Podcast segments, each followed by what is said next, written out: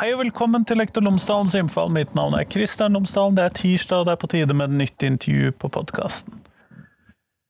Denne uken snakker jeg med Beate Goldschmidt Gjerløf. Vi snakker om seksuelle krenkelser i undervisningen, og hvordan skolene legger opp den undervisningen, hvordan lærerne gjør det, hvilke valg de gjør underveis i når de skal lage opplegg om eh, seksuelle krenkelser, overgrep osv. Som ofte som en del av seksualitetsundervisningen, men ikke nødvendigvis. Denne episoden er særlig rettet inn mot samfunnsfagen, ikke så mye de to andre fagene som har med eh, seksualitetsundervisningen i skolen å gjøre, men det er fortsatt relevant for vel alle lærere, vil jeg tro. Eh, Podkasten er fremdeles sponset av Cappelen Dam Undervisning, og hvis du går inn på skolen.cdu.no, så finner du alle oppleggene som Cappelen Dam har laget i forbindelse med fagfornyelsen.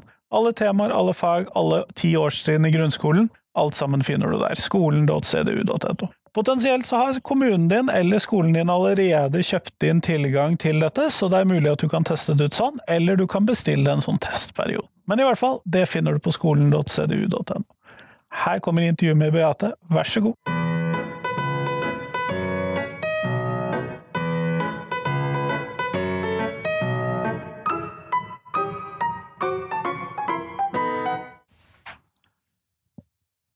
Beate Goldsmith Gjerløv, tusen takk for at jeg har fått prate med deg i dag. Hjertelig takk for at du ville komme.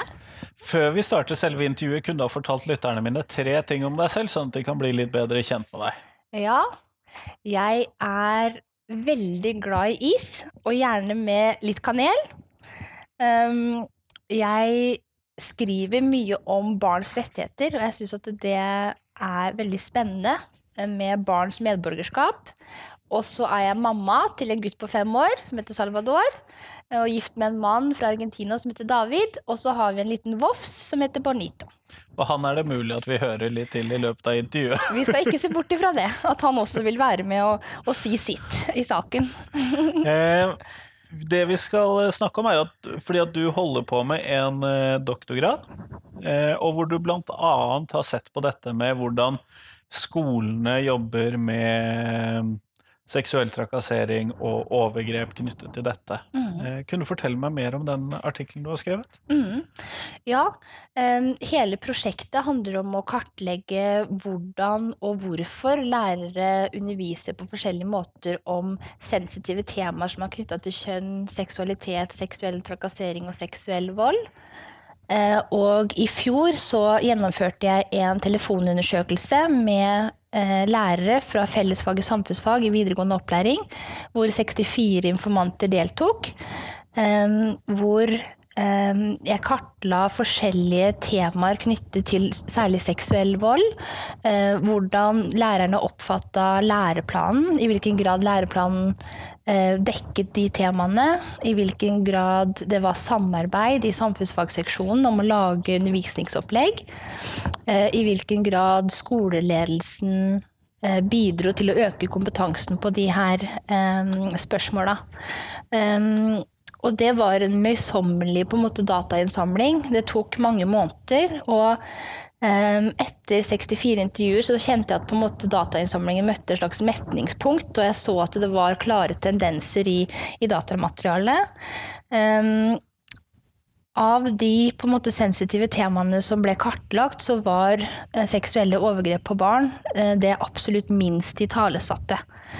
Eh, og på bakgrunn av det så skrev jeg den første artikkelen som ser på barns rettigheter og lærernes ansvar når det gjelder å undervise om seksuelle overgrep eh, på barn. Og det som er litt interessant, er at særlig de siste fem årene så har det vært en økt um, politisk prioritering når det gjelder å liksom, heve kompetansen i skolen blant lærere på de temaene her. Og man ønsker også måte fra, fra de politiske styringsmaktene å Eh, at man underviser mer om det. Men det jeg ser gjennom telefonintervjuene, er at det er mange følelsesmessige hindringer når det gjelder å ta opp de temaene her. Ja, for det er jo vanskelige temaer. Det er kjempevanskelig, og man vet at eh, barn er utsatt for overgrep. Og eh, det jeg oppfatter i intervjuene, er at eh, mange lærere er eh, bekymra for å retraumatisere eh, barn som muligens har opplevd det, eller at de eh, stigmatiserer barn ved at plutselig så får du en elev som løper ut av klasserommet. Eh, og det er en del sånne ting som, som hindrer at man, man tar det opp. Eh, og samtidig så sier flesteparten av lærere at de ikke opplever at det her er et tema som skal snakkes om ut ifra læreplanen. Eh, da er det særlig ett kompetansemål i den gjeldende læreplanen eh, som handler om å analysere årsaker til kriminalitet og overgrep, og, og diskutere hvordan man kan forebygge det. Men særlig siden overgrep kan være både eh, psykologisk, det kan være fysisk og seksuelt. Og siden seksuelt overgrep ikke er eksplisitt, så tenker du at det her er ikke noe som vi egentlig må snakke om. Kanskje mer barnemishandling eller sånne type ting? Da. Ja, mer kanskje på en måte fysiske aspekter som ikke er seksuelle. Um, og det er jo Det er det er problematisk, fordi hvis man ser på eh, forskning som er blitt gjort blant mennesker som har opplevd overgrep, seksuelle overgrep som barn, så tar det i gjennomsnitt 17 år, over 17 år før det blir fortalt om. Og i løpet av de 17 årene så kan man gå gjennom ganske mange vonde eh, perioder, og det er jo på en måte um, viktig at man får den psykologiske oppfølgingen så tidlig som mulig, da. Tenker jeg. Og der er lærere De kan være den signifikante andre, den personen man kan betro seg til. Uh, som på en måte kan sette i gang et, et hjelpeapparat da, rundt barn. Og det ligger utrolig mye makt i det. Det ligger mye makt i hva man ikke sier, og det ligger utrolig mye makt i hva man kan faktisk gjøre for å hjelpe barn som er utsatt da, for vold, rett og slett. Ja, for det er jo ikke Selv om læreren ikke skal være en psykolog sånn, så kan man i hvert fall hjelpe personen videre til mm. riktig, ja. riktig vei. Ja, absolutt. Og sette, sette barn i kontakt med, med, de menneskene som kan hjelpe til. Mm. Men så er det klart at det kan være utrolig vanskelig å, å, gjøre det. Fordi noen ganger så vil kanskje barnet selv ikke at andre skal få vite det. Um, og at de på en måte har fått en sånn idé om at det her er en hemmelighet som ingen skal få vite om. Og da eh, skriver Raundalen og Schultz de skriver veldig godt om hvordan er det man kan uh, håndtere sånne situasjoner. Da. Og da si at rett og slett at noen eh, hemmeligheter skal man ikke holde. Og at, eh, at, jeg som voksen vet at du eh, kommer til å få det bedre av å på en måte få hjelp til å, å snakke om det her. Da. Rett og slett. Mm. og bruke litt tid på å ta den samtalen med barnet, også, og unge, eller, eller, den unge. Eh, og at på en måte den varslingen også skjer Eh, så langt det lar seg gjøre sammen med barnet, da, eller på en måte med at barnet er innforstått med at det her må det tas noen grep. Mm. Ja, eh, Men når du da har sett på dette, fant du noen fellestrekk blant eh, de som valgte å jobbe med dette som en del av samfunnsfaget? Det som er veldig spennende, er at det ser ut til at ja, det er, det er, for tidlig på en måte å konkludere med helt uh, um, Helt konkrete funn, men det ser ut til at jo mer samarbeid det er blant lærere, uh, jo enklere er det for lærere å på en måte ta de her temaene inn i klasserommet.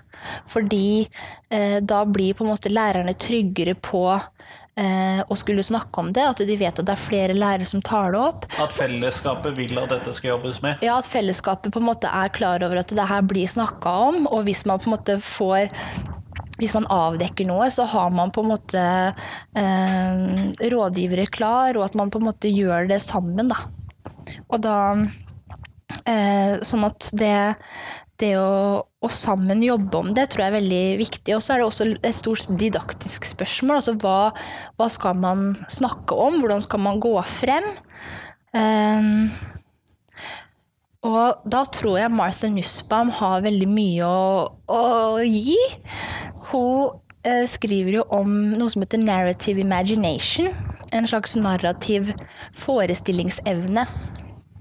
Eh, og belyser veldig hvordan vi kan bruke skjønnlitteratur og liksom the arts inn i utdanningen.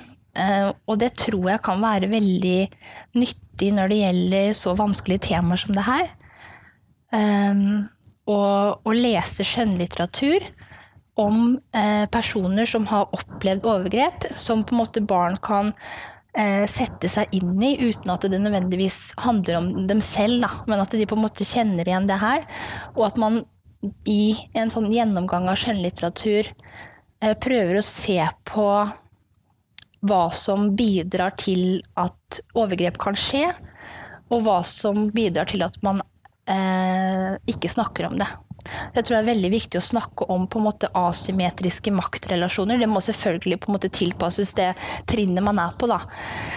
Også, ja, Man skal ikke bruke samme eh, språkbruk og nei. begreper i første klasse som i første klasse. Videregående? Ja. Nei, det er, det er klart. Og, og, det som jeg har sett på, er jo eh, førsteklasse um, studiespesialisering på videregående. De som har fellesfag og samfunnsfag, eller VG2 for de som har yrkesfag. Da. Så det er jo elever som er mellom 16 og 18 år, kan man si.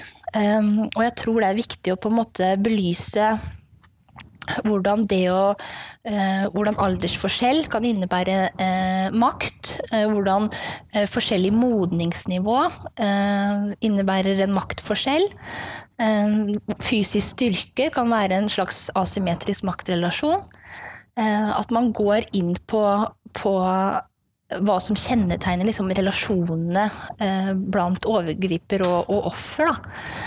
Um, og at man snakker om at veldig ofte så kan også offeret sitte igjen med en skyldfølelse. Og at den skyldfølelsen gjør at man ikke vil snakke om det.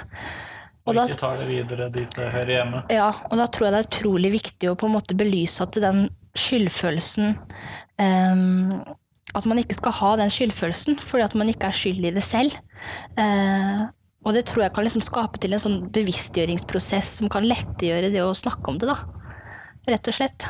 Ja, og jeg tenker jo på denne undersøkelsen om vold og voldtekt osv. i Norge, og da når mm. vi ser eh, Hva var det det var? 11 av, eh, av den kvinnelige befolkningen opplever overgrep mm. eh, i løpet av livet, og halvparten av dem før de fyller 18 år, så er jo mm. dette her et farlig relevant tema, da. Mm. Ja. ja, og det er utrolig mange barn og unge under 18 som opplever det. Og så tror jeg også vi må eh, ta litt hull på stereotypier. Så det er ikke nødvendigvis sånn at det er eldre menn som på en måte forgriper seg på jenter, at det er bare det som skjer. Hvis vi ser på Mossig og Stefansen, så, så ser de også at det er unge Uh, unge gutter mellom 15 og 19 år, som er relativt representerte i, i den uh, Rett og slett fordi det er mye festvoldtekter? Ja, jeg vil tro at det kan være knytta til på en måte fest og den type ting. Uh, og at man er i en fase hvor man prøver å finne ut av sin på en måte seksuelle identitet, og hvordan man i det hele tatt skal være et seksuelt vesen. da.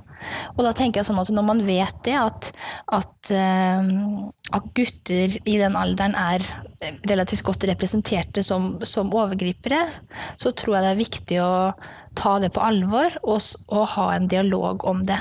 Samtidig som at det er en stor fallgruve å si at det bare er gutter som gjør det. For det er det jo selvfølgelig ikke. Det fins jenter også, og, og kvinner, som, er, som forgriper seg. Um, så det handler kanskje om en bevisstgjøring om flere forskjellige aspekter her. Både mm. om hvem som kan gjøre overgrep, hvem som kan bli utsatt for overgrep, og hvordan overgrepene skjer. Ja. Og en, det høres ut som et ganske stort tema, da. Ja, det, det, er, det, er, et stort tema, og det er noe som må tas alvorlig. Og det må gis rom til det i lærebøkene. Det er et kjempestort sosialt problem, og det er absolutt noe som, som samfunnsfagene må eh, ta opp. da. Og ikke bare på en måte samfunnsfag, men religion og etikk også.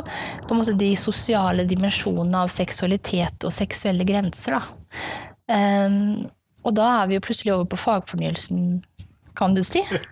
ja, man kommer jo fort inn. Ja. Det er jo spennende, det som skjer med fagfornyelsen nå. Um, og det er mange ting å si om fagfornyelsen når det gjelder på en måte kjønn, seksualitet og seksuell grensesetting. Eh, hvis vi sammenligner med den nåværende læreplan, så er jo begrepet overgrep det er tatt ut, og så er det på en måte erstatta med at man skal eh, snakke om eh, lovverket rundt på en måte seksuell grensesetting, og at kjønn og seksualitet mye mer eksplisitt blir satt, blir satt sammen. Men kanskje en anelse mer juridisk, da? Ja, så det er helt klart en mer juridisk tone. Eh, som jeg antar vil gjøre at på en måte lærere blir oppfordra til å snakke om de rettighetene alle mennesker har, til å, til å, bestemme over sin egen kropp og bestemme over hvordan de vil utøve sin seksualitet, og hvordan de vil være som mennesker de, med tanke på kjønn. Og det er eh, spennende, for det er veldig i tråd med UNESCO sin eh, Comprehensive Sexuality Education, de retningslinjene som ble eh, publisert i januar i fjor, eh, som snakker om at eh, barn og unge må på en måte vite rettighetene sine for at de skal kunne beskytte dem, eh, og at deres på en måte seksualitet og uttrykk for seksualitet er forankra i grunnleggende rettigheter. Da. Um, men så er det jo en gang sånn at Én ting er eh, styringsdokumenter, læreplanen hva den sier at man skal gjøre. Og så er det ikke bestandig samsvar med hva som skjer i klasserommet, da. Nei. eh, og da tror jeg at for å, for å kunne få gjennomført de kompetansemålene på en hensiktsmessig måte, og for at lærere skal føle at det er noe de um, kan. mestrer, ja. så tror jeg det er kjempelurt å samarbeide om det. Eh, hva, er det, måte, hva slags opplegg er det vi vil ha? Finne kanskje f.eks. skjønnlitterære tekster som kan være en inngangsport til å snakke om, om temaet. Og rett og slett spare med hverandre. Fordi det er ikke en individuell oppgave å skulle klekke ut undervisningsopplegg om det her, tenker jeg. Og jeg har så stor respekt for lærere, og jeg har jobba som lærer selv i mange år. Og jeg vet hvor vanskelig det kan være å ta opp de temaene her. Det er, det er følelsesmessig hardt arbeid. Um, men jeg tenker at det er et etisk ansvar å, å snakke om det, på en måte. Så, og jeg ser jo på lærere som rettferdighetsforkjempere. jeg gjør det. Jeg tenker at de kan bidra til at ungdommer blir behandla på en mer rettferdig måte, da, og det er en fantastisk gave å ha. Men det er mye ansvar òg, og det ansvaret må man ta sammen. Og da er det mm. kanskje også viktig at man da gir ungdommene de verktøyene man trenger også for å kunne i hvert fall vite hva de skal gjøre. Mm. Sånt skjer. Mm. Ja, det er nettopp det. Gi de på en måte eh, Audrey Osler hun skriver om action skills. Og det syns jeg er så viktig. liksom Handlingsferdigheter. Altså hva gjør man i en sånn situasjon?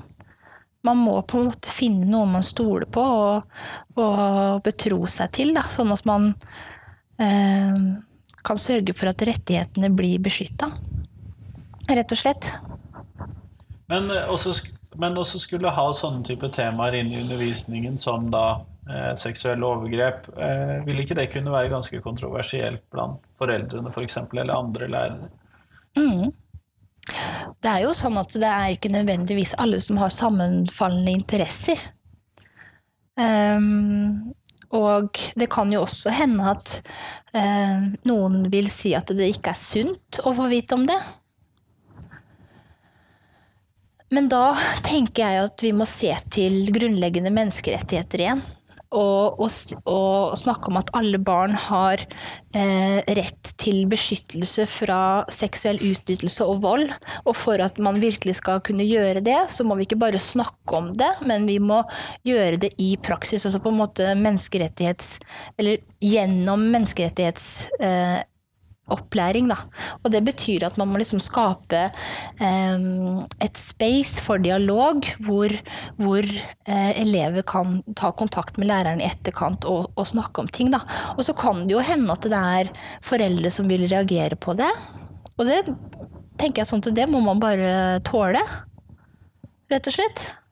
Og si at ja, jeg, jeg hører hva du sier, men det her er faktisk forankra i lovverk. Vi, vi eh, er Vi pålagt tar opp dette fordi at det er gøy. Nei, vi er pålagt å snakke om det, bl.a. gjennom Barnekonvensjonen, som sier at rett til utdanning eh, omfatter også rett til seksualundervisning.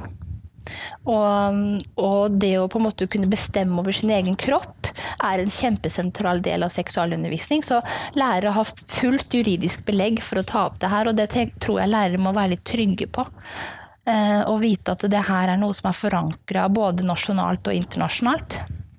Samtidig så, eh, og det er jo ofte en faktor eh, Jeg tenker jo det at Hvis ikke det er på eksamen, så blir det ikke undervist i klasserommet, tenker jeg ofte. Eller jeg ser det ofte. Eh, Dette er jo kanskje et tema som går igjen på eksamen. Det er veldig interessant, fordi eh, i fellesfaget samfunnsfag, det er jo et muntlig fag. Og der er det jo lokalgitte eksamener. Og lærere er fullt, måte, har full mulighet til å gjøre det her til et tema. Eh, og det er ikke noen grunn til at det ikke skulle være det. Det er et like naturlig tema som på en måte f.eks. sosialisering. Hvordan man på en måte behandler hverandre relasjonelt og seksuelt, er jo på en måte en, del av en slags sosialiseringsprosess. Så jeg, jeg syns at det, de temaene her gjerne kan tas opp som, som eh, det trenger ikke nødvendigvis å være hovedtema på en eksamen, men at det er på en måte noen kompetansemål som gjør at man kan komme inn på det, da, hvis, hvis, eh, hvis eh, eleven har lyst til å diskutere det. Og det er jo ikke nødvendigvis sånn at man skal komme med egne erfaringer. Nei, det vil vi kanskje helst unngå. det tenker jeg at det, det, det bør man jo på en måte Man må liksom finne sin eh, arena og, å, formidle det på. Eh, Men jeg ser ikke noen grunn til at ikke det skal være formelle vurderinger i kompetanse som, som er knytta til det. Men når du så på dette her for disse 60, i disse 64 intervjuene, og det er jo Mm. i en sånn type utarbeidelse ganske stort Mm. grunnlag egentlig når det er snakk om intervjuer. Eh, eh, Så du noen type fellestrekk der hvor man ikke tok opp dette temaet? Og da ikke konklusjoner, men fellestrekk? Jeg så at jo mindre på en måte skoleledelsen fokuserte på det, så, så er det at det var Jeg ser på um, Jeg har lagd en modell som ligner litt på Bronfenbrenner sin sånn økologiske systemteori. Hva er det som foregår liksom i mikroperspektiv inne i klasserommet? Hva er det som foregår på mesoperspektiv, som er på en måte skolekultur? Hva er det som skjer på det nasjonale planet med um, ja, nasjonale styringsdokumenter, policy og, og kultur, og også på, en måte på det internasjonale, særlig med Barnekonvensjonen. Eh, og det er klart at, at mesonivå, skolekultur, har jo mye å si, som jeg har vært inne på før. Altså når, når ting ikke blir uh, jobba uh, eller samarbeida om, så, så bidrar det til at lærere også på en måte vegrer seg. Eh, og hvis skoleledelsen ikke har fokus på det, så er det også på en måte noe som er assosiert med å ikke skulle si så mye om det. Um, men det er klart at de, de funnene her er basert på regresjonsanalyse, og um, jeg kan ikke konkludere Jeg vil ikke si noe helt håndfast helt ennå, for jeg har ikke publisert noe på det ennå. Ehm, men det er flere faktorer på, innenfor skolekultur som påvirker veldig mye, og, og alder ser også ut til å spille en rolle. Eh, yngre lærere underviser mer om det enn enn eldre. Og så er det også en kjønnsforskjell der. Men den flater ut med tiden. Ser ut til at unge, lærer, unge kvinner eh, underviser mer om det enn unge menn, men at den aldersforskjellen eh, flater eller at den kjønnsforskjellen flater ut etter fylte rundt 45. Etter Ja. det så, eh, så er det eldre kvinner de underviser mindre enn eldre menn om det, da. Så det er utrolig mye spennende man kan få frem av å kjøre en, en regresjonsanalyse av, av materialet også. Eh, og da kan man jo spørre seg ja, hvorfor er det sånn? Ja. Og det må, det må forskes mer på. Jeg ser problemstillingen. Men hvis du skulle ta også gi noen råd til hvordan man skulle ta dette opp i klasserommet, hvordan tenker du at det ville være en god måte å gjøre det på? Jeg er veldig begeistra for boka til Raundalen og Schultz, som eh, ser på eh, seksuelle overgrep og hvordan man kan undervise om det. Og de lener seg også på skjønnlitteratur. Eh, og de har eh, to ulike på en måte, skjønnlitterære tekster. En som på en måte ser på, på fysisk vold, og en som ser på seksuelle overgrep. Eh, og det å, å skulle lese om en historie om noen som på en måte har har opplevd seksuelle overgrep, og bruke det som utgangspunkt for diskusjon, sammen med eh, på en måte eh, akkompagnert eller etterfulgt av eh, samtaler om hva er makt, hva er makt i sånne typer situasjoner, hvem er det som har makt? Eh, hvordan, hvordan, påvirker de maktrelasjonene hva man har liksom mulighet til å gjøre? Eh, og hvorfor er det på en måte så lite snakka om? Og, og, nettopp ta veldig hull på den skammen, da, tror jeg er viktig. Så, så skjønnlitteratur sammen med kunnskap som kan gi handlingsferdigheter, det tror jeg er en helt uslåelig kombinasjon. Og også på en måte være veldig tydelig på hvilke rettigheter barn og unge har som beskytter dem mot, mot uh, alle former for vold. Og nettopp det å bruke da, denne skjønnlitteraturen tenker jeg jo kan ha en veldig god effekt. Fordi at man da det blir ikke så abstrakt Nei. uten at elevene trenger å selvidentifisere seg med tidligere mm. opplevelser. Ja. ja. det er nettopp det at det blir på en måte å sette seg inn i noen andre sine sko, uten at det trenger ikke å være dine sko. Men det kan hende at noen vil identifisere seg med opplevelsene, da. Eh, det kan jo hende. Ehm, og at det vil åpne for dialog på tomannshånd med lærer etter hvert. Mm. Ja, og det, Du nevnte jo det som en ting man kunne være redd for, det at en elev plutselig stormer ut av klasserommet, eller mm. at noen begynner å mm. gråte rett i klasserommet. Mm. Jeg, tror at å, jeg tror at det er utrolig viktig å forberede elevene i forkant når man skal ta opp sånne temaer. Gjerne i hvert fall en uke i forveien, gjerne to, og si at eh, den datoen så skal vi snakke om det. Vi skal snakke om seksuelle overgrep på barn, eh, og vi skal gjøre det ved å lese en skjønnlitterær tekst om en jente eller gutt som opplever sånn og sånn. Og si at hvis det er noen som har spørsmål med tanke på den tematikken, så ta kontakt med meg så, så, så, tar vi en prat om det. Og det er selvfølgelig ikke sånn at, at det er obligatorisk at man um, jeg tror det er utrolig viktig at hvis man kommer i kontakt med en elev som har eh, erfaringer med uønska seksuell oppmerksomhet, at man da gir rom for at den eleven ikke er til stede, f.eks. Og da er det jo også på en måte en potensiell fallgruve. At kanskje på en måte de andre elevene begynner å tenke ja, hvor er den eleven i dag, hvorfor er ikke den eleven her? Um, men jeg syns ikke at vi kan bruke det som unnskyldning for ikke å snakke om det.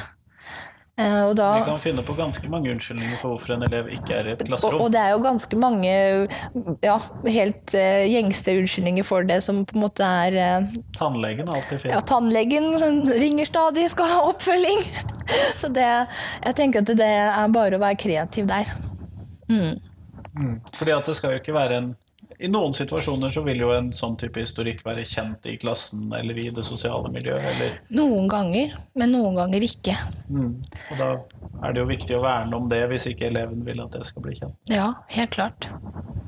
Mm -hmm. så, så, det er jo en lur ting å passe på at de får beskjed på forhånd. Mm. Eh, det er jo bra. Mm. Eh, samtidig kan det ikke være en fare for at det kan bli i overkant eksplisitt gjennom en sånn skjønnlitterær fortelling. Jeg tror det må være ganske eksplisitt for at, uh, at, man skal forstå virkelig hva som foregår. Det skal ikke bare leses mellom linjene? Liksom. Nei, jeg tror det. For hvis man på en måte må lese det mellom linjene, så, så kan man ikke kanskje få helt full forståelse av hva det er som skjer. Men det er klart at det er jo uh, det er jo viktig å, å, tenke over hvor eksplisitt det skal være òg. Um, og det syns jeg på en måte den teksten til Raundalen og Schultz um, og for de som lurer på den der, så skal vi lenke til det. Ja, det er absolutt. Det må komme en lenke der. Ja, helt klart. Det, men jeg har en, på en måte en liten um, innsigelse også der. For der er det en ung jente som eh, ja, Kort fortalt så er på en måte overgriperne eldre personer, da, eldre menn. Sånn at det er en viss fare for at man faller i en sånn stereotypisk kvemstilling. Men da tenker jeg at da må læreren også si at det er ikke bare eldre menn som på en måte forgriper seg. Det er også eh, Snakke om kjærester og yngre, fester. Ja, og, og, og både og menn og kvinner. At man på en måte får frem det. Men at, men at jenter da i eh, over, De som på en måte blir forgrepet på, er jo oftest jenter. Men det betyr ikke at ikke jenter også kan være overgripere, da. Og at ikke gutter kan være ofre. Ja, og det er kjempeviktig. Og jeg tror mange ganger at det er nesten enda mer eh, skam knytta til å være en gutt som har opplevd overgrep. For at det kan føles ut som et voldsomt angrep på maskuliniteten. Da. Og det må man også snakke om. Ja, for Man kommer ikke unna maskuliniteten i et sånt tema som dette her. Nei. Nei, man gjør ikke det. Kjempeflott at du tok deg tid til meg i dag. Jeg har et siste spørsmål før vi gjør oss ferdig. Og det er eh, hvis noe skal ut av skolen Vi skal jo oftest putte noe inn. Blant annet har jo jeg mast i en årrekke om at seksualitetsundervisningen må inn. Og det er jeg så glad for! Ja, det Ja. har vi mange gjort, og det er veldig bra. Ja, er ikke... Men eh, av og til så må vi ha noe ut. Ja, vi må det. Eh, Så hvis du får velge hva skal ut av skolen Akkurat det syns jeg er veldig lett å svare på. Fordi jeg tenker at mobbing og trakassering, det er det som må ut. Ja, Sånn at fenomenet, ikke undervisningen. Ja. Fenomenet må ut, og eh, ja, fokus på å snakke om det i undervisningen. Det, det har jeg veldig tro på. Det henger jo godt sammen med det vi har snakket om. da. Ja, det, det er veldig relatert. Kjempeflott. Tusen takk for at du tok deg tid til meg i dag. Hjertelig takk.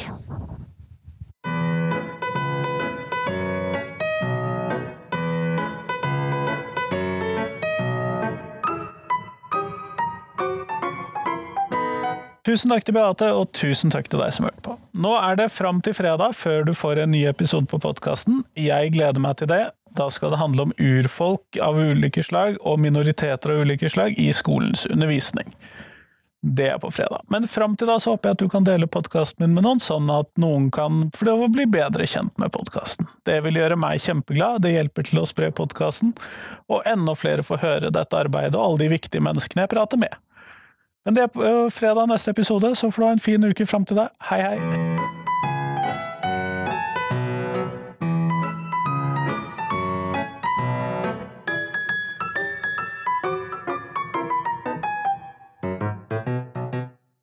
Husk at hver eneste torsdag så kommer jeg ut med et uh, Tenketorsdag-bilde, hvor jeg stiller et spørsmål jeg tenker er viktig å reflektere over for norsk skole.